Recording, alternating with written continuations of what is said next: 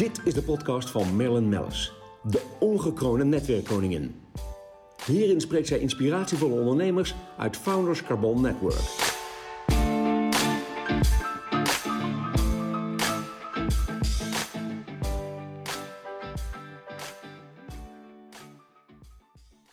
De podcast wordt mede mogelijk gemaakt door Blenheim Advocaten. Voor mij uh, zit uh, Peter Karsten. Um, ja, Karsten Trade. Uh, Peter, ik krijg een kaartje van jou in de handen ooit... Hè, toen we kennis maakten om ons gesprek te hebben over, het, over de FCN als lidmaatschap. Maar um, ja, daar stond op Karsten Trade. Maar ik, toen, toen vroeg ik jou eigenlijk een beetje van jouw cv, want het is zo indrukwekkend. Ik heb hier twee A4'tjes liggen, natuurlijk fantastisch. Maar dit kaartje, dat heb je al 20 jaar, toch? Al 56 jaar. Oh, geweldig. Ik ben nog maar 76 jaar jong. Vanaf het twintigste begonnen. Ja, fantastisch. Ja, ja want als, als we even kijken, want we, we, we kunnen natuurlijk uh, beginnen in het heden. Maar als je even kijkt naar het verleden, uh, geboren 46, na de oorlog. Ja, ja, um, ja. En al heel snel uh, heb jij, ben je 100% eigenaar geworden van de, van de groothandel. Ik meen 78? Nee, na, na acht jaar. Ik, na ik acht, acht jaar. in de zaak. Ja, acht jaar. Het was ja. een klein, klein bedrijfje van 14.000 gulden in de week omzet. Oh, geweldig. En mijn vader die, die, die kon de zaak verkopen. En er waren 3000 uh, vrije grossiers nog. En hij zei, er blijft er niet één over. En toen kreeg je een bod van Cor Boonstra, of de Cor Boonstra. En de voorzitter van de coöperatie in Noord-Holland, die deed 50 miljoen omzet op de melkhandel. En toen kon hij 30.000 gulden vangen voor zijn zaak. Nou. En hij zegt, Peter, ik ben 58. De langste tijd hebben we gehad, we gaan de zaak verkopen. En daar was ik het helemaal niet mee eens. En ik, nee, zat, ik, ik zie je ogen nog glinsteren. Ik zat in het leger, in het leger. Ik zei, pa, laat mij dat proberen. Ik zei, Peter, maar het is onmogelijk. We hebben maar, maar 30 producten. De concurrentie heeft 3000 producten. Die doet 70 keer meer omzet. Ja, als je, wat, als je groeien wil, dat, dat is het minste wat we moeten doen. Ik zei, dan moet je toch ook goedkoper, in, goedkoper verkopen. Ja. Maar wij, verkopen, wij kopen natuurlijk veel duurder in als dat een bedrijf 70 keer groter is. Ja. Dus wat je wil, het is, het is 100% onmogelijk. Ja. Het is onmogelijk om goedkoper in te kopen. En het is ook onmogelijk om goedkoper te verkopen. Goed, misschien met betere, grotere volumes. Maar ik zeg, pa, ik, u, weet, u weet, pa, ik hou van onmogelijk. Ik ben verslaafd aan onmogelijk. Maar dat is echt wel wat. We gaan straks ja. nog even hebben over jouw spreukenboekje. Ja. Maar dat is wel de rode draad, hè? Jij, jij, ja. Het onmogelijke maak jij mogelijk. als het maar onmogelijk is, dan, dan krijg je energie van. En dan zeg maar, je hebt wel zes weken in het ziekenhuis gelegen. Niemand in blokken durfde dat nest uit te halen. En toen het donker was, heb jij dat gedaan. Je zag niet de dode takken, je viel uit die boom vandaan. Je rug gebroken, wervelfractuur, zes plekken die arm gebroken, schouder uit de kom. En, zei, en je had er geen spijt van. En dat, ga je, dat wil je nu weer doen. Je zegt, pa, geef mij een kans. Ja. Zo ben ik. En zo geschieden. Zo, ja, hij heeft me binnen één dag uit het leger gehaald. Ja. Kennis, er staat ook een boekje, hè? kennis, of kennis is macht, kennissen is, is beter. Nee, staat niet in het spreukenboekje, nee. dat zei de vader van Jan van den Broek altijd. Maar mijn vader heeft dat toegepast. Ja. Die ging naar Den Haag toe, en hij, bij Defensie. En er was een man, die was ook ondernemer, een zoon van een ondernemer. En die begreep zeg maar wat mijn vader vertelde. Ik heb een, ik heb een joch die, die is zo lastig en, en die wil ondernemen en die houdt van onmogelijk. Ik wil hem een half jaar de kans geven. Ja. Nou, hij zegt, doe dat maar, meneer Karsten. Ja, en een, dag later belde hem op en een dag later kwam ik uit dienst. Ja, want ik, ik kan me voorstellen dat mensen die luisteren naar deze podcast... die denken, Karsten, dat zijn toch die enorme grote vrachtwagens, logistiek en zo. Ja. Hoe is het daartoe gekomen? Want er zijn allerlei ja, nou, levensmiddelenhandel. Als je, als je van niets iets maken wil... Als je dat leuk vindt, dan, dan, maak je van niets iets. En wat er dan ook is. En ondanks zeg maar die, die, die concurrentie. En, en ja, dan doe je net alsof je toch een echte zogenaamde grossier bent. En dan haal je bij de Kees Kerry haal je de stickertjes eraf. En dan zeg ja. je, dan breng je toch die spulletjes. En als je dat zelf doet, ja, dan geef je meer service. Dan, dan, dan dat magazijn, dat maak je gelijk netjes. En, en, en dan zegt de ene melkboer tegen de andere. Nou, als je die, die boer uit, uit Blokken, daar, uit, uit die kop van Noord-Holland, als je die hebt, die. Want daar kom je als en, als je, ja. en als je terug je magazijn in komt, dan is je hele magazijn opgeknapt. Dat, dat, Ja. dat, dat is onmogelijk dat dat kan. Ja, Dus kijk eens wat, wat zijn prijzen zijn. ja mooi. Nou ja, en dan ga je, er had- was natuurlijk één klein vrachtautootje. En ik bracht s'avonds de spulletjes weg met, die, met, die, met diezelfde vrachtauto. Die mijn vader had in West-Friesland. Die had 75 melkboeren. En dan met 30 producten. En wat we niet hadden, haalde ik bij de Cash Carry. Ja, dan kon het niet meer in het vrachtautootje s'avonds. Toen hebben we de allereerste nieuwe vrachtauto gekocht in ons leven. Ja, mooi hè? Ja. Ja, mooi. Dat En- is ook mooi om op terug Ja, te kijken. ja, ja. fantastisch. En dan begin met één auto, ja, en dat groeide naar 157 vrachtauto's. ja, want even, en, van, maken, en, van melkboeren naar een klein winkeltje, van een kleine winkel naar een grotere winkel. ja, dan maken we En de toen ik grotere winkels wilde hebben, dat was natuurlijk de, milja- de miljardenbedrijven, de, de Albert Heijns en de Schuitenmaars en de grote winkelbedrijven. Daar ging natuurlijk altijd een grote winkel naartoe, als een, iemand eigenaar was van een winkelcentrum. Maar jij wilde ze ook. En ik wilde dus ook. Ja. En ik zag altijd die, die, die ontwikkelaars en die, die investeerders waren allemaal vrienden van Prins Bernhard. En dat las ik natuurlijk in de krant, 45 jaar terug, 46 jaar terug. Ik denk, nou, als Prins Bernhard mijn vriend wordt, dan ken ik ook dat soort mensen. En onbekend is onbemind en bekend Ja. is vertrouwd. Ja. En dan ben ik En wel zo'n heel klein grossiertje uit blokken waar ze er nooit van gehoord hebben. Maar als ze me kennen, als ze me niet kennen, weet ik zeker dat ik kansloos ben om ooit een grote winkel te krijgen. Ja. En als ik geen grote winkels kan krijgen, ja, dan zijn we kansloos in de continuïteit. Dus toen is Prins Bernhard natuurlijk binnen drie maanden, was hij mijn vriend. Ja. Want Soms ik las, ik las Wereld. Natuurfonds, las ik. Ik denk, ik doe een actie met Wereld Natuurfonds bij mijn klantjes. Ja. En dan, pak ik, eh, dan verkoop ik plaatjes voor een dubbeltje. Dat laat ik de fabrikant betalen en ik geef vijf cent weg. Dus binnen de no- no time had ik een, een cheque van, van, eh, eigenlijk van 15.000 gulden aan het Wereld Natuurfonds te geven. Dat was toen heel veel geld. En daar heb ik toen tien van gemaakt. Ja, wat En leuk. toen ben ik op het paleis ontvangen natuurlijk. De rode loper lag uit. En, eh, en toen zei prins Bernhard... wil je lid worden van de Rare Bird Club Uitstervende Vogels? Ik zei, daar herken ik mezelf in als, als, als groothandelaar. En mijn vader zei, er zijn 3000 grossiers, er blijft er niet één over. En toen zei ik, nou dan ben ik de laatste die overblijft. En toen zit ik al een beetje middenin in die, in die race. Dat vond hij mooi. En hij zei, ik zeg, wat kost dat? Hij zegt, dat kost 5000 gulden. Ik denk, die heb ik nog. Die heb ik nog gespaard. Nou, ik zeg, dan word ik lid van de Rijbeurtclub. Ik zeg, en hoe gaat het nou? Hij zegt, dan, krijg je, dan mag je een uitstervende vogel uitzoeken. En die wordt geschilderd. En die krijg je thuisgestuurd. Of, we hebben één keer in het jaar hebben we een bijeenkomst. Dan kun je hem ook daar krijgen. En die hebben we toevallig over een maand of drie, vier. Nou. En dat is in Castle. En beschermheer van, van de Red Bird Club is Prins Philip en dat ben ik. En dan krijg je van ons tweetjes uitgereikt. Nou, ik zeg, dat lijkt me geen verkeerd idee. En hij zegt, en, en de Thijsens en de Danielli's en al dat soort mensen, die zijn lid van de club. En die komen dan naar Windsor Castle. Nou, Ik fantastisch. denk, nou, het is niet te bedenken. Ja. Zo, zo is mijn netwerk begonnen. Ja, fantastisch hè? Nee, maar het is toch mooi. Ja, ik herken wat ik enorm, wat wij natuurlijk samen in elkaar herkennen. Wij hebben natuurlijk heel veel eh, Ja. dingen gemeen. eh, Ja. eh, is inderdaad het organische, zoals het allemaal gaat. Nou maar het ook het slim Dus nadenken. het grenzeloos denken. het grenzeloze denken. als dat je- als dat je- is als je- het. Als je geen grens hebt, dan maakt het ook niet uit. En dan, dan vind je het ook vanuit jezelf. Dus dat vertel ik tegen een paar vrienden. Ik zeg, we huren een vliegtuigje. Ik ben uitgenodigd op het beroemdste kasteel van de wereld, Windsor Castle. En ik krijg iets, waarschijnlijk van de twee meest bekende prinsen ter wereld. Nou, en die hebben Hij zich zei- hij zei, berucht dat, dat, gemaakt. dat geloven we allemaal niet. Nee, ik nee, nee, maar het is toch echt zo? jullie, jullie gaan maar gewoon mee. ik maak even het stapje, het bruggetje. Want ehm, ik, kan me, ik meen me herinneren dat jij mij vertelde... dat jij een keer een, een Boeing of een hele topfloor in de Boeing hebt afgehuurd... Ja. om met je concurrenten op Ja. pad te gaan. Nou ja, om elkaar te leren kennen. Maar dat vind ik fantastisch. Want, Ja. want eh, jij zei Ja. toen, jij was echt een voorvechter van... jongens, in deze branche, in dit vakgebied... moet je Ja, juist het- elkaar beter leren kennen. Moet vertrouwen komen. Nou ja, Hoe heb je dat aangepakt? Omdat, omdat namelijk, eh, eh, als je elkaar niet kent, dan kun je elkaar niet respecteren. En, en er was geen enkel respect in die voetbranche. En, Nee. en die voetbranche die keek alleen maar naar mekaars lagere prijs. Hè, dus als je dan een kratje bier deed voor 9,95 en er moest dan gulden bij, hè, maar dat was een referentieproduct om klanten te trekken, en dan zei die ander 9,95, ik ga voor 9,45. En de volgende ging voor 8,95 en die ging twee gulden bijbrengen. Ze keken altijd naar mekaars lagere prijzen. Met, met, met zeg maar een, een, een kleine 200 producten, waren referentieproducten. Dus, die, dus die marge was in die, in, in die branche. Als je 1% aan belasting kon verdienen, was al, al, was al geweldig. Ja. Dus denk, als je elkaar leert kennen, dan ga je elkaar respecteren. En dan na respect, normaal komt er ook een stukje vertrouwen. Maar dan kijk je in ieder geval ook een keer naar, naar iets anders. Ja. En, eh, en dan zie je ook een persoon achter, achter al die winkels.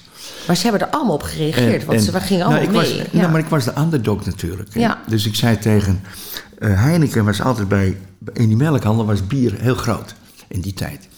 En, en, eh, en ik was één, of zeg maar al, ondanks dat ik een kleine groothandel had, al een hele grote klant van, van, van Heineken. Ja. En die kwam dan bij mij. En ik had altijd gezellig, hè, de koekjes en de bonbonnetjes. ja, want dat hebben En- wij nu ook, dat kan Ja, niemand ja, zien. Maar ik heb hier de heerlijkste En koekjes uit hij- voor mijn neus liggen. En had hij een rondje handel gedaan in die kop voor Noord-Holland. En, en, en Rob heette die, die was verkoopleider bij Heineken. Had hij de smoor in, want hij kreeg altijd de schuld omdat ze niks verdienden aan dat bier. En ik zeg tegen Rob, ik zeg, ik kan me dat voorstellen. Maar die mensen, die kennen elkaar niet eens, al die concurrenten in Nederland. Laten we die een keer dat, dat, een keer dat zootje bij elkaar in één vliegtuig stoppen. Ja. Dan leren ze elkaar kennen en dan zo ver mogelijk weg. Waar ben je heen gevlogen? Ik zeg tegen Rob, wat is het verste land waar je zit? Ja. Wat duurt het langste? Want dan zorgen we dat we goede bediening hebben.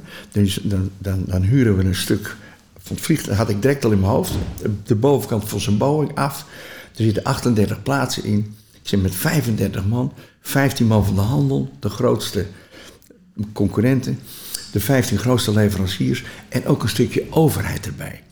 Want de- dan bij de overheid worden wij niet serieus genomen. Omdat wij altijd maar lelijk doen tegen elkaar. Groot winkelbedrijf en klein winkelbedrijf. Dat staat ook vaak in de pers. Dus de overheid die zegt altijd, wat is de voetbrand? Als je helemaal niks meer kan, dan kun je altijd nog de voetbrand in. Die vechten elkaar allemaal de tent uit. Praten niet één taal.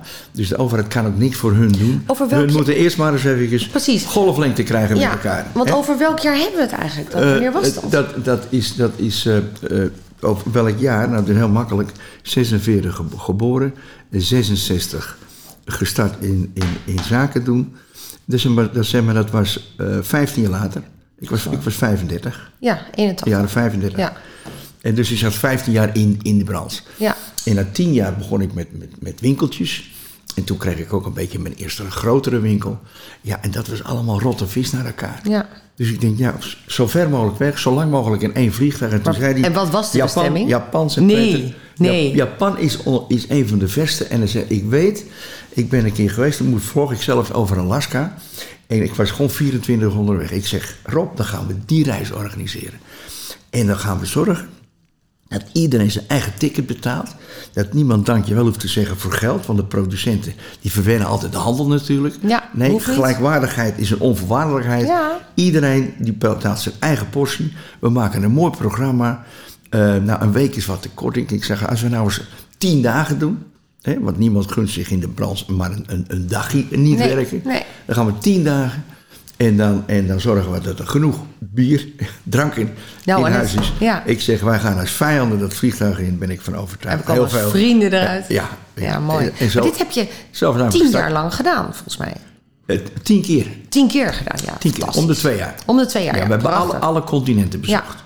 Ja. Want en, ga- en we lieten ons ontvangen ook door het opperste Sovjet, ook door de Nou minister-president. ja, wacht even. Opperste Sovjet. Jij bent in, want ik heb Ja. die aantekening gemaakt. Ik vond het buitengewoon interessant. Ehm, buiten dat, ik las ergens nog dat, dat je honorair consul van Roemenië bent eh, benoemd.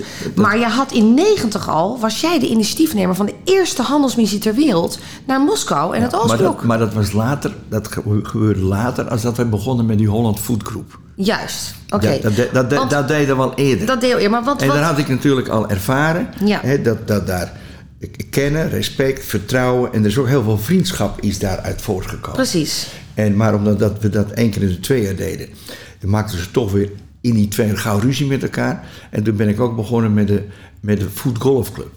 Dus zes keer per jaar. Even. Hè, vooral, vooral vijanden. Hè. Ja, hup, bij elkaar in de handel, flight. handel, industrie, onroerend overheid. Dat, Ja. dat was zeg maar het gemêleerde gezelschap. En dan gingen we zes keer met 25 man op een woensdag door de week. Dat was al normaal nog dan Nee, in de dat was- ja, dat was toen Ging- echt- Gingen wij het bos in. Ja. En toen later, toen kregen we hier zo'n verdringingsmarkt in Nederland.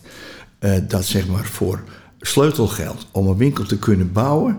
Ik vergeet nooit dat Kees Zwanenburg van de VOMAR. Eh, die gaf 5 miljoen voor een kaveltje grond in Almere.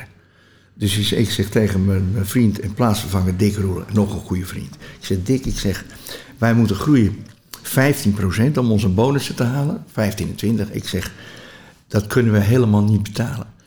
Eh, en toen, we, toen viel die muur in, in 89 Ja. november. Ik zeg, daar is het een vragende markt. Hier is het een verdringingsmarkt. Ik ga denk, daarin. ik denk voor die, voor, die, voor die groei per jaar. Ja. Ik zeg, dan kunnen we de groothandel blijven versterken. Onze formule A-markt. Het A-markt buitenland. blijven concurreren. Goedkoop in kunnen kopen. En dan gaan we de volumes halen in, in het Oostblok. Want ik, ik, ik kan me herinneren dat zoals Estland, Letland... en waarom ik dat nou zo leuk vind... wij, zijn, wij gaan natuurlijk daarheen nu in mei. Ja, Hè, want we- ja. we zouden naar, helaas naar Rusland gaan... en tot ons grote verdriet gaat dat niet door. Ehm, en gaan we nu naar Estland, Letland, Litouwen, de Baltische Staten. Maar jij bent toen inderdaad in het Oostblok begonnen. Ja, ik begon, ik begon, ik denk het opperste Sovjet weer. Hè, dus ik denk, Ja. ik, ga, ik ga naar Moskou. Want vanuit Moskou wordt, wordt alles gedele, gede- gedirigeerd in die satellietstaten. Dat hadden we allemaal wel gelezen, zeg maar, hè, die grote Sovjet-Unie. En die Gorbachev met Walenza eh, uit Polen, die hadden elkaars golflengte. En mede daardoor is die muur afgebroken. Ja. Dat was in, in november 89. Toen ben ik als een speer gaan kijken vanuit die druk, verdringingsmarkt Nederland. Ik denk, dat is een vraag aan de markt. Heb ik het boek van Yeltsin eh, gelezen en het, het boek van Gorbachev. En toen las ik dus dat Gorbachev, die was koning-keizer, admiraal zeg maar, in, in de wereld. En Yeltsin was vooral de interne man in Rusland. En ik denk, ik moet het intern zoeken in Rusland. Ja, dat moest je. Dus dat had ik gelezen. En toen ben ik naar de Russische ambassade gereden.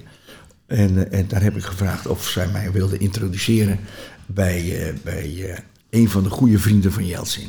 Ik denk Moskou en Petersburg, dat zijn de hoofdsteden. Ik zeg, als ik, als ik daar nou begin. En toen kreeg ik een introductie. Was Yuri Lutskov, die was dan voorzitter van de gemeenteraad in die tijd. Dat, ik praat over januari, februari 90. 1990. hè. Ja. En eh, ik liet me uitnodigen door die. Door die eh, en toen zeiden ze: hij is de coming man in Moskou. En hij is een goede vriend van Yeltsin. Hij is een, een dorpsgenoot van Yeltsin. Ja. En eh, toen ben ik ontvangen door die, door die Lutskov.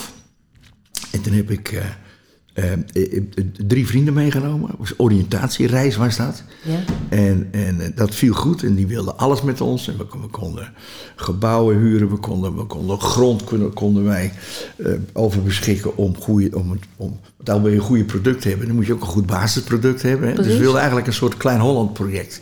Wilden, Ja. wilden we ervan maken. En toen heb ik in, in oktober datzelfde jaar... gingen wij met de allereerste handelsmissie ter wereld... na de Koude Oorlog, gingen we naar Moskou. En omdat eh, dat agriculture, dat stond... Nederland stond het hoogst in het vaandel ten opzichte van, van Canada of Amerika. Dus ik denk Gerrit Brax, die was, die was voor de, voor de vier, derde of vierde keer zelfs... voor weer voor vier jaar, was hij, eh, was hij eh, minister van, van Agriculture. En toen heb ik Gerrit Brax gevraagd als delegatieleider...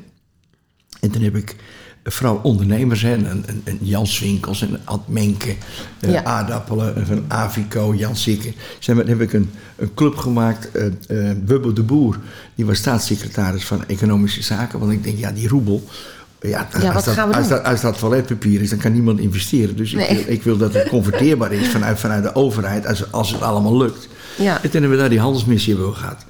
En dat, was, dat was ja, buitengewoon succesvol. Joris Vos die was ambassadeur in die tijd van Rusland. En die vond het ongelooflijk dat wij dat, wij dat geïnitieerd Ja. hadden. Ja. En, dat was en maar later kon Wubbo de Boer niet garanderen die, die, die roebel. Nee. En eh, dus dat, dat hele Holland-project is, is zeg maar eh, ja, in, de- in de ijskast beland. En toen in die tijd, toen ging, eh, dat was zeg maar in, in oktober eh, 1990. En toen, toen werd ineens die, de lei, de Poolse lei, die werd converteerbaar. Dat las ik in de krant. Ja. Ik denk, nou... Kijk, dat met- is dan de start. Met die roebel kan het niet. Ik zeg, dan, dan ga ik doen we daarmee. speer naar- Ja. Dus wij openden begin in 1991. Warschau? Ja, in Warschau, ja. Warschau, ja. Ja, ik deed daar een soort open huis Holland. Dus ik had een orgel, eh, Hollands orgel mee. Ja, geweldig. Ja, maar je maakt ook dan meteen weer een En- feestje ja, van. en en Heerlijk. en dat- ik las dat Marriott was net het eerste westerse hotel was daar neergezet. Ja, en Dus daar Want alles was communistisch natuurlijk, Ja. ook, ook dat Polen. Ja. En, en dat was net klaar. En dan vanuit Polen ben je ook naar die Baltische Staten Nou, toen, toen openden wij in, in, in Woeds, dat is Hartje, eh, Hartje Polen. Ja. Hè, binnen een paar maanden eh, de eerste zelfbedieningsgroothandel. Ja, fantastisch, ja. en, eh, en de westerse kwaliteitsproducten kon je eigenlijk niet kopen in Polen. En, en er gingen vrachtauto's vanuit Nederland daarheen. De burgemeester van Woeds, het is net zo'n stad zo groot als Amsterdam. Ja. Die opende de zaak toen. En er was een, kilo, was een file van meer dan 10 kilometer. Hadden ze nog nooit meegemaakt. Nee, nee, nee, nee, dus iedereen praatte Ja. daar ook Ja, over. Ja, ja. En dat was een enorm Maar succes. bijzonder, maar dit is natuurlijk wel de manier hè, om inderdaad in, naar markten eh, of voor expansie te gaan, eh, waar inderdaad nog mogelijkheden liggen. En dit, dit heb je fantastisch gezien. Alleen, dit, dit moest je aandurven. Dat is natuurlijk wel, ik bedoel, we, Ja, we draag je kijken nu op terug. ja, het is als je grenzeloos maar- denkt, dan, dan, dan is dat niet durven. Dan zeg je, nou, het is zakelijk verantwoord. Het is goed voor mijn kernactiviteit. Het heeft een grote synergie. Ja. Dus ook je mensen om je heen. Je moet draagvlak hebben. Iedereen Ja. moet gemotiveerd zijn. Ja. En je bedrijf moet niet alleen dat jij erin gelooft, maar als je geen draagvlak hebt, heb je geen bedrijf. Nee, nee. Dus iedereen die vond dat op zich natuurlijk fantastisch. Want er kwamen hele grote volumes binnen. ga- en, toen, en toen zijn we zo land voor land voor land. Gaan we ja, en, dan, letterlijk en wij voor in Roemenië. En dan, en dan zeg maar de, zeg maar de softe sector, een, een soort notaris, die was, eh, die was consul. Maar toen zag natuurlijk eh, de, het opper-Sovjet in, de Sof- in, in Roemenië, waar ik ook weer met een handelsmissie heen ging met 50 man. Eh, die, oh nee, die vroeg mij als honorary consul om, om zeg maar actief dingen te doen. Dat Westen en het Oosten moest meer gaan samenwerken. En in jas openden wij de eerste op westerse lees geschoeide levensmiddelenbedrijf toen ook. Peter, want eh, In, in, in Roemenië. Ja, want wij zitten nu natuurlijk in, in eh 2022. 22, ja. En we hebben nu eh, ja, de- toch wel eh, catastrofaal eh, de acties van, eh, Poetin, eh, zeg maar ja. van Poetin. Ehm, maar hoe kijk jij daarnaar? Want het, het, het eerste wat ik dacht ook, bu- buiten even dat het... eh, ja, als je terugkijkt in de geschiedenis... en oh, we hebben het net over 1990... hele duidelijke afspraken met Gorbachev. Dit zijn de landen, dit is de buffer. Fantastisch gedaan. Zaken doen met elkaar. Zaken doen met elkaar Geweldig. ik zie dan, als Ja. ik dat zo bekijk, denk ik, ja, we hebben ons er ook niet aan gehouden. Hè, aan de buffer, et cetera, et cetera. Ehm, nou, is, Nee, we hebben het over onszelf afgeroepen volledig. nou, dat wou ik zeggen. 100%, 100%. Ja, ja en, en, ehm, maar ik zie dit met zulke leden oog aan. Want vreselijk. eh, eh, we hebben zo verschrikkelijk veel, eh, zo ons best gedaan. Om, Ja, maar om als je nou, als je nou weet... ik vind ook je nou- zo, voor het Russische volk vind ik het zo verdrietig. Alle kanten. Je hebt Ja. alleen, alleen maar verliezers. uiteraard. Alle- alleen maar Alleen verliezers. maar verliezers. Ja. Maar, maar de basis is dat je respect voor elkaar hebt. Dus gelijkwaardigheid is een onvoorwaardelijkheid. En daar is het fout gegaan. Toen Poetin 12, 13 jaar terug om lid te worden van de NAVO... en wat een normale golflengtes hadden we... maar toen wij 20 jaar terugkwamen daar... er was een enorm vooroordeel. Wij zijn dat steenrijke Westen en hun dat arme Oosten. Dus die, die Oosterlingen hebben een vooroordeel... dat wij totaal geen respect voor hun hebben. En waarom waren wij heel succesvol in, in tien bedrijven in, in, in 3,5 jaar tijd in zeven Oostbloklanden. Waar, waar, omdat we, ze- we behandelden die mensen met het volste respect. En dat, dat hadden ze niet verwacht. En, en dat, wat, heeft, wat heeft Brussel gedaan? Of die macht, de woord macht is al, al een, Vies al een woord. negatief woord. Ja. Kijk, van je macht ga je altijd van je zwakte uit. Ja, en niet en van dan je ga, En dan ga je niet van je kracht uit. Nee. En wij zijn altijd vanuit het westen van ons zwakte uitgegaan. Dus dat is het arme Oostblok. Hè? Dus niet volwaardig behandelen. Nee. Hè? En dat is zowel vanuit, vanuit, vanuit de Europese gemeenschap. En vind je gek dat, dat, dat die Oekraïne, dat de leiding van een Oostblokland, die paait natuurlijk met het rijke Westen. Ja, natuurlijk. En dan laten wij ons inpakken. Een mooiere buffer kun je niet bedenken. Nee. Kiev in de Tweede Hele Wereld is de oudste stad van de Sovjet-Unie. Ja. Dus emotioneel ligt daar. Ligt voor- Oekraïne ligt Ja. emotioneel veel moeilijker. eh, Als zeg maar een Hongarije, een, een, een Tsjechië, een Polen, Estland, hoort Letland, eigenlijk bij Litouwen. Rusland, Eh, geschiedkundig, Ja. ja. En is het niet prachtig zo'n neutrale zone ertussen houden? Ja. Dus dat hadden we gewoon moeten respecteren. En we hadden gewoon moeten zeggen, jongens, je voelde aan dat Rusland dat niet wilde. Nee. Dat hij dat die bij, de, bij, bij de Europese gemeenschap Ja, zou komen. zijn En laat, al laat- acht jaar. En laat staan bij de NAVO. Hè, want Ja. dan, zou- zeg maar de, dat is een de macht te ver. Nog, nog. En, en dat respecteren we niet. Het eerste beste wat ze, wat ze roepen vanuit de Ja. NAVO is... eh, oh, jullie mogen erbij hoor. Toen, toen, ja, Nee, nee, maar nee, het beroerde is, op een gegeven moment maken we dan zulke cruciale misinschattingen hè, vanuit, vanuit het Brusselse. hè. Want die mensen betalen wij, horen vind ik eigenlijk in de gevangenis nu. Want ze hebben zelf tekort respect getoond voor het Rusland die dat niet wilde. Maar goed, dan gebeurt het, dan valt hij in. Als ze dan gezegd hadden, beste meneer Zelensky, wij praten de eerste tien jaar, tien, tien jaar, praten we niet over een lidmaatschap en niet over de NAVO. Had Poetin geen enkele reden gehad om dat land binnen te vallen. Nee. Nee, wat doen we? Die voorzitter die gaat zeggen, misschien kunnen we het nog versnellen. Nou, dat kost honderdduizend mensen het leven. Ja. Zo, niet, zo niet meer. Dus, dus, ja, en, Want welke dus dat is de baas van de Europese Ja. gemeenschap... Ja. en begrijpt niet hoe de maatschappij in elkaar Nee, zit. maar goed, deze vrouw is eh gynaecoloog met een vals proefschrift, heb ik begrepen. Nou, ja, maar, maar- maar, maar- nee, maar daar dat hebben we gaat- het maar niet over. Nee, maar het is, het is, het is het is natuurlijk afschuwelijk wat er gebeurt. En, en zo'n Poetin is een van de grootste moordenaars ter wereld geworden. Maar we hadden het allemaal makkelijk kunnen voorkomen. Zelfs tot het moment dat ze, dat ze een inval deden. Ja, en hoe zie jij nu nog dan een uitweg? Kijk, als je gek bent, dan ben je gek. Dus, dus dat is ook gegroeid geworden. Eh, het is altijd natuurlijk een, een, een, een, eh, communistisch heel lang geweest. En het is hetzelfde als een dictatuur. Want alles is van, van de maatschappij. Dus, dus, dus alles is van het opperste Sovjet. En dan krijg je automatisch, als je daar leiding aan geeft, krijg je mensen om je heen, zo'n innercirkel. Die laten je alleen zien wat je wil zien, die vertellen je alleen wat je wil horen.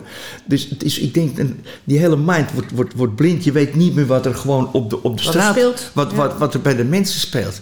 Dus, dus heel langzaam, dan, dan kom je zo in zo'n, alleen in zo'n innercirkel ga je denken wat iemand die altijd naar je mond praat. Dus normaal gezond nadenken kun je niet meer. En dan ga je denken uit macht, niet meer uit kracht. Uit macht. Nou, en dan zie je dus zo'n NAVO en Europese gemeenschap opschuiven. En ja, en dan denk je niet meer als, als een normaal mens. Nee. Dus dit is een hele lastige. Waar, waar dit eindigt, hij, hij gaat nu, die innercirkel zal nu toch tegen Poetin gaan zeggen... ja, het liefst dat ze hem natuurlijk vermoorden. Want, want niemand kan bij hem in de buurt komen, alleen omheen. Maar die gaan natuurlijk nu zeggen, je kunt het van de wereld niet winnen. Dus ook al die biljardairs hè, hè, die om hem heen zitten... is wat hè, dus dus, dus hij, zal, hij zal tot verstand moeten komen... Maar de NAVO? NATO, iedereen zal zich moeten terugtrekken en Oekraïne met lust rust moeten laten. Ja, ja, maar nu is er geen keus natuurlijk. Nee. Nu, nu, nu, Nu hebben we geen keus meer. Nee, dat is Nee. nu te ver. Hè? Dus nu, Ja. nu moet- kun je alleen nog maar één groot front zorgen. Ja. Hè? Dus de saamhorigheid is natuurlijk van Amerika en, en alle lidstaten nooit zo groot geweest. Want ja, je bent natuurlijk je bent lotgenoot. Hè? En van het lotgenootschap krijg je altijd bondgenootschap. Dus ja, dat is het gisteren natuurlijk allemaal hand op één buik zijn geworden. Ja, dat, Ja. Hè? En, en ik ben ook altijd bang dat die, dat die, die lobby van die, eh, van die oorlogsindustrie, van die wapenindustrie, dat is, dat is ook altijd. Ja. hè, dat, dat, dat zie ik ook met, met farmaceuten, wat het net over Ja. de gezondheidswereld. Ja. En, en, Ja, want daar... ja, het, God, wordt enorm, Peter, het wordt allemaal enorm beïnvloed op, Ja. op een, dubbele, een dubbele bodem. Ja, want we, gaan, we maken weer even een sprongetje, Peter. Want jij hebt natuurlijk... eh, we hebben beide eigenlijk een, een, een historie of een, een verleden met, met kanker. Wat is verslagen. Eh, Ja. eh, we zijn gezond, we leven, we genieten. We werken hard. Ehm, maar jij hebt ook iets... Ja, eigenlijk, jij kwam daar eigenlijk achter. ehm, dat, en daar heb je over lobby's gesproken en over wat je hebt kunnen regelen. Eigenlijk ben jij wel de, mag ik wel zeggen, een soort van grondlegger geweest in dat wanneer men een diagnose krijgt, binnen vijf dagen ook geholpen kan worden. Ik noem maar wat, een voorbeeldje, bijvoorbeeld huidkanker of elke vorm van kanker. Hoe is dat eigenlijk ontstaan? Het- Nou ja, grondlegger is een groot woord. nou ja, ik vind ze- wel laat ik wil je mij niet zeggen, wel, wel initiator. initiator. Ja. Ja, ja. en, en je kunt zeg maar, we hadden het over onmogelijk, hè, dat je niet, niet bij de O komt. Dat komt, dat komt vanuit je hart, dat komt ook Ja. vanuit je beleving. En als je dat dan eh, in, in zaken doen, als, iets normaals gaat ervaren, hè, want alles, alles went natuurlijk dan weer. En dan word je ineens word je dan eh, zelf eh, eh, doodziek. Hè. Je kan niet meer eten en drinken, hè, dus de boel zit op slot. En dan, en dan word je door je netwerk. door- ik heb mijn leven te danken eigenlijk aan het, het netwerk, aan, aan mijn bedrijf. Anders, Ja, want had, je was, anders had ik je niet- was bevriend met Pinedo en ja. je was toen Nou ja, die- voorstander die, van... Die, Aap- de, de Aap Heijn, de oude Albert Heijn, die heeft me ooit voorgesteld in een, in een CEO-club. Toen hij een nieuw leven op ging bouwen in, in Engeland. En ik had het voorrecht, als een de laatste Mohikanen die in de voet gegroeid was... om hem goed te leren kennen, bevriend te raken. En één keer per jaar een heel middag te kunnen praten over alles. En hij introduceerde me die CEO-club. En daar kwam Pinedo. Die kwam een voordracht houden om geld in te zamelen voor, voor kankeronderzoek. Ja, en dat was bij mij net mijn hart gegrepen. Ja. Uh, dus, dus ja, ik wilde minimaal postie staan, dat heb ik ook gedaan. En, en mede heb ik daardoor die Pinedo leren kennen. Niet te weten dat drie jaar later dat ik hem nodig had voor een, voor een snelle diagnose. En, en, Want dat heeft En- eigenlijk die snelle diagnose. Dat heeft heeft mijn leven jouw gered. leven gered. En toen heb Nou jij ja, normaal, meteen... normaal regulier. En ik kom met blokker en dan ga je naar horen. En, en, en net is een neef van mij van 29. Die had, had ik ook vier à vijf maanden nodig gehad voor de diagnose. En dan was het te laat geweest. Want ik had een tumor in mijn, in mijn buik die ieder moment kon knappen. Ja. En dat was maximaal 14 dagen. En ik ben, binnen twee dagen ben ik. Had ik binnen één dag een diagnose, twee dagen later geopereerd. En dat heeft, dat heeft mijn leven gered. En dan, Ja. Ja. dan zie je altijd. Kijk, van een bedreiging maak je een kans. Hè. Daar groei je mee in het zakenleven. Hè. Alles wat bedreigend is. Jongens, hup, dubbele kans. Opportunistisch, Ja.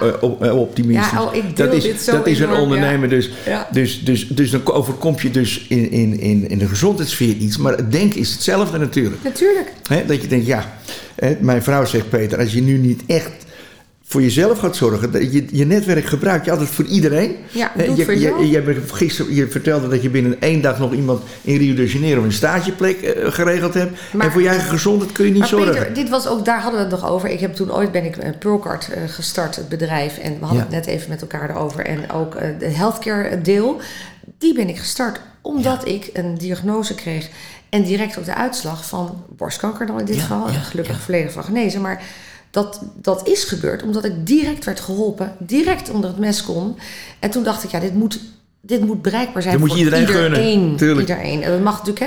En dat vind ik ook een groot goed in Nederland, dat dat kan. Vandaar ook, en, en dan, ik heb het uitgebreid naar ook vitaliteit. Dat je inderdaad een mind in health, eh, leuk. Maar nou ja, prachtig. En, en nou ja, we zitten hier eh, Ja. tegenover elkaar eh, te. Kerngezond, Kerngezond. vol energie. En met, nogmaals, heerlijkste koeken En zonder eh, wilskracht hadden we hier niet meer daarom. gezeten. Ik, ik, zie, ik zie hier nog wat staan, Peter. Ja, want we, we- normaal duurt mijn podcast 15 minuten. We zitten al over het half uur. We kletsen nog heerlijk door. Ehm, jij bent natuurlijk ook founder van de DGA-club van de VNO-NCW. Ja. Hoe is dat eigenlijk tot gekomen? Nou, dat kwam zo. Uh, Balkenende was de baas van Nederland. Ja. En als je Dat is grenzen- ook lid, hè? Dat is ook Als leuk. je, als je, als je, als grenzeloos denkt, dan, dan, dan, dan handel je ook grenzeloos. Ja. En, en ik, ik verloor een proces eh, van, eh, van sprinkler. En ik verloor een proces van, eh, van milieu. Dus als vra- die rood-witte vrachtauto's, als die ergens langs reden, dan de muren die, die storten in elkaar. En, en, dus ik mocht niet meer. En het geluid wat we deden, dus voor zeven uur en na zeven uur, mochten er geen eh, verkeersbewegingen zijn. Nee. Nou, als je dan een dichtslippend land hebt, en, en met die Koentunnel, en dan in die, in die kop voor Noord-Holland, dan, dan, dan begin je om half drie natuurlijk, en, en, en niet na zeven uur. Nee. En, en, als, er- en als je, we hadden alleen in blokken 70 vrachtauto's. Na zeven uur mocht een auto niet meer bewegen bij mij op het terrein. Nou, Kan niet. Met, met, met een land ook wat weer dichtsliep, dat, dat bestaat niet dat iedereen altijd op tijd terug is. En, maar ik verloor het, het proces. En ik denk, nou, het zou wel geen rekening met, met, met het economische gebeuren van het bedrijf zelf. Nee. En, eh, en toen hadden we sprinkler. Hè, dat ik zeg maar mijn, mijn magazijn, een blokken 30.000 meter, moest ik compartimenteren of sprinkler. Dus allemaal hokjes maken, wat ook niet kan, want je, je, je moet het dwars door zo'n magazijn kunnen. Of, of sprinkler. En, ik had, en we hadden zoveel deuren hadden we erin, dat je altijd binnen, al zou het brand zijn, ja, dan was je binnen twee minuten, drie minuten, iemand die heel traag loopt, vier Ja. minuten, was je altijd buiten. Dus ik, ik, ik zeg, waar- waarom moet ik dat allemaal investeren voor veiligheid? Ja. Floor ik ook, je moest een half uur moet je brandwerend zijn. Dus een half uur moet je nog in een gebouw blijven als de boel in de brand staat. Ja. Dus een kaartspelletje afmaken bij wijze van spreken. Ging nergens Nee. over. Of sprinkler. Nou, ik werd veroordeeld door sprinkler. Dan wordt je magazijn een meter, bijna een meter lager. 30.000 kuub raak je kwijt. Dat is en, en je moet 5 miljoen moet je investeren. Nou, dat hebben we dan maar gedaan, want anders sluiten ze je bedrijf. Maar ik denk, ja, je weet zelf wat je, wat je, wat je, wat je een ander niet gunt, ben je zelf niet waard. Nee. Dus, dus ik gun een ander dat hij dat, die dat niet verliest. Nee. Dus ik denk, die wetten moeten veranderd worden. Dus toen ben ik naar Balkenende gegaan in torentje. En ja, en zegt Peter, misschien die wetten veranderen. Ja, dat- dat duurt zo'n paar jaar. En, en daar ben ik, dan is het kabinet misschien al weg. Nou, ik zeg, als jij dat niet kan, dan ga ik het, dan ga ik het zelf doen. Nou, hij, zegt, hij zegt, als dat jou lukt... Want ik had het over, met Henny van der Most hadden we een businessclub gemaakt. En, en ik had hem toen ook gevraagd, het zou leuk zijn als de minister-president daar een keer een voordracht doet. Ja, mooi. Toen we net kennis maakten met elkaar. En eh, hij zegt, nou, ik beloof je, als je dat lukt, dan kom ik een hele avond kom ik bij jullie praten. Voor, eh, Overigens, 25 Ja. april, aanstaande Ja. 50 april, komt eh, Jan-Peter Balkenende Oh, ja. ook spreken op het, mini-congres van FCN. Dat noemen we dan FCN Leeds. Eh, dat is deze keer in Amsterdam. Maar wat een spreker is deze man. Nee, hij is een topper. Hij is een topper. Ongelooflijk. Maar ik rij, ik rij uit het Haagse weg en ik bel, eh, ik bel de, chauffeur van, eh, van Bernard Wientjes. Die was voorzitter van Ja, die was toen voorzitter, ja. Ben, eh, die bel ik op. Ik zeg, Ronald, ik zeg eh, met Peter. Hij was namelijk de chauffeur van Jan van den Broek. En Jan van den Broek, wij trokken samen heel veel met elkaar op. En, we Ja. rijden, en door Jan ben ik ook met chauffeur gaan rijden. Ook toen ik Ja, je moet, op een gegeven moment moet je er eraan geloven. Maar dat was een klein wereldje. Ik zeg, ik zeg zit met een wientjes in, in de auto. Ja, hij zegt, hij zegt, hij zit rechts achterin. Nou, hij zegt, is, is hij nu in gesprek of zit hij te werken? Nee, hij zegt, hij zit te werken. Nou, ik zeg, geef nou je, mo- je mobiel. kan je die geven Ja. aan. Dus ik stelde met die windjes. Nou, ik zeg, ik ben eh, bij meneer Balkenende geweest en die kan, eh, die kan een paar wetten niet veranderen. En, en om een wet te veranderen, dan moet je draagvlak hebben. Is het mogelijk dat ik, een- dat ik een afspraak met u kan maken? Want dan wil ik graag een, een DGA-directeur groot anderhoudersclub oprichten. Nou, hij zegt, hij zegt, meneer Karsten, dat is helemaal niet zo'n gek idee. Nee. Hij zegt, hij zegt eh, bel VNO-NCW in, in het Haagse. Vraag naar meneer Niet-Jan van Kesteren. Hij zegt, dat is, dat is eh, de, voor, de directeur. Hij zegt, oh, dat- ik zeg, dat moet ik even opschrijven. Dus in de auto schreef ik op eh, eh, Niet-Jan van Jan Kesteren. En, en weet u ook zo het telefoon? Ja, dat weet ik ook nog, 07. Nou, ik zeg, Ja, dat zet ik er ook even onder. Ja, ik zeg, die ga ik dan nu bellen. Dus ik belde, ik belde VNO-NCW. Nou, Ja. die was in bespreking. Ik zeg, mag, mag, mag niet meer meer terugbellen. Dan ben een uurtje belde niet terug. Ik zeg, ik heb een paar uur terug heb ik Ben het Wientjes gesproken. En is vond het idee? en die vond geen gek idee om, om een DGA-club op te richten. Ja. Nou, toen ben ik een paar weken later zat ik met, met hun tweetjes. En toen hadden ze nog vijf districten. En, en eh, in het westen hadden ze één district. Ik praat over 14, 15 jaar terug. Ja. En toen hebben ze ook zes districten gemaakt. En Mooi. dan wordt ieder district, de voorzitter van de DGA-club is een ondernemer. Ja. In, in het district. Ja. De vicevoorzitter ook een ondernemer. En dan hebben we zes keer twee mensen, twaalf mensen. Ja, fantastisch. En dan komen vier keer per jaar bij elkaar. Ja. In de regio kunnen ze, kan iedere ondernemer zijn ei kwijt aan die, aan die voorzitter en die vicevoorzitter. En dan kunnen we met elkaar kunnen wij voorstellen uitwerken en besluiten Ja, nemen. prachtig. Zo is dat clubje Zo is begonnen. het clubje, maar prachtig verhaal. Eh, Jan, wij- wij- wij- ja, eh, Peter, wij gaan nog eventjes... eh, Jan Peter hebben we natuurlijk eh, over gesproken, de Ja. mooie sprekers. Leuk, die Eh, ja, ik- 24 april. Ik, 25, hè? ik zal in gelijk 25 agenda april, ja. Sean Harris komt trouwens ook, een fantastische FCN-lid. Zij, zij Ja. investeert ook in start-up scale-ups en nog veel meer sprekers. Het is niet alleen dat hij een goede spreker is, maar die man zit gewoon goed in elkaar. Normen en waarden, daar gaat het om in het leven. Nou, en dat, bedoel is ik. Ja, en dat vind ik zo mooi dat je Hij is dat ook zegt. echt. Hij is echt. Nee, daarom. Ja, Ehm, Peter is echt. Heel mooi. Ja. Ehm, nou, pak ik nog even jouw boekje erbij, eh, eh, Peter. Want ja, eh, spreuken. Jij hebt dus een eigen spreukenboekje. Nou ja, geweldig. Ik lees hier onder het kopje zaken doen. Motiveren is de andere partij laten vertellen wat je zelf wilt. Nou ja, geweldig. Ja, tuurlijk. Ja. Ja. En ehm, jij zegt dan ook, het zit hem juist in de kleine dingen. Die grote gaan vanzelf wel. Dat vind ik ook zo mooi. Ja, dat, dat weet Ik had nog eentje, die vond ik ook geweldig. Ervaring opdoen is het beste marktonderzoek. Ja, en, en ook de duurste. En, zeker. Nou ja, ik heb al heel wat verhalen gehoord inderdaad. Het is het beste, maar het is ook ja, de duurste. Heel mooi. Nou ja, en eigenlijk moeten we maar gaan besluiten. Maar eh, eh, Ja. eh, de podcast, eh, en, en we ga, ik ga jou zeker weer een keer uitnodigen, want ik heb weer genoten. Ehm, maar je had ook zo'n mooie one-liner. En dat was, je kunt beter verslijten dan verroesten. Ja, ja, dat is natuurlijk zo, Peter. Dat is, hè? Mooi, ja. En ehm, nou, als laatste, want dat is nou ook echt eh, wat je inderdaad, eh, dat gaat als een rode draad bij jou doorheen. Ook als het goed gaat, kan het beter. Maar daar heb je nog steeds last van. En leven en werken alsof je nooit kunt sterven. Nou, Want als je al een beetje begint af te bouwen, terwijl je Ja. nog gezond bent, ben je al een beetje aan het sterven. ja, en dat doen we niet. Nee. Nee. Ze weten, we weten precies wanneer we stoppen natuurlijk. Ja. In het harnas. In het harnas, natuurlijk. Nou ja, dat is mooi. Ik, eh, ik bedank je heel hartelijk voor, eh, voor het fijne gesprek hier bij ons eh, op het hoofdkantoor in Amsterdam. Ja. We zijn te beluisteren via Spotify en Soundcloud.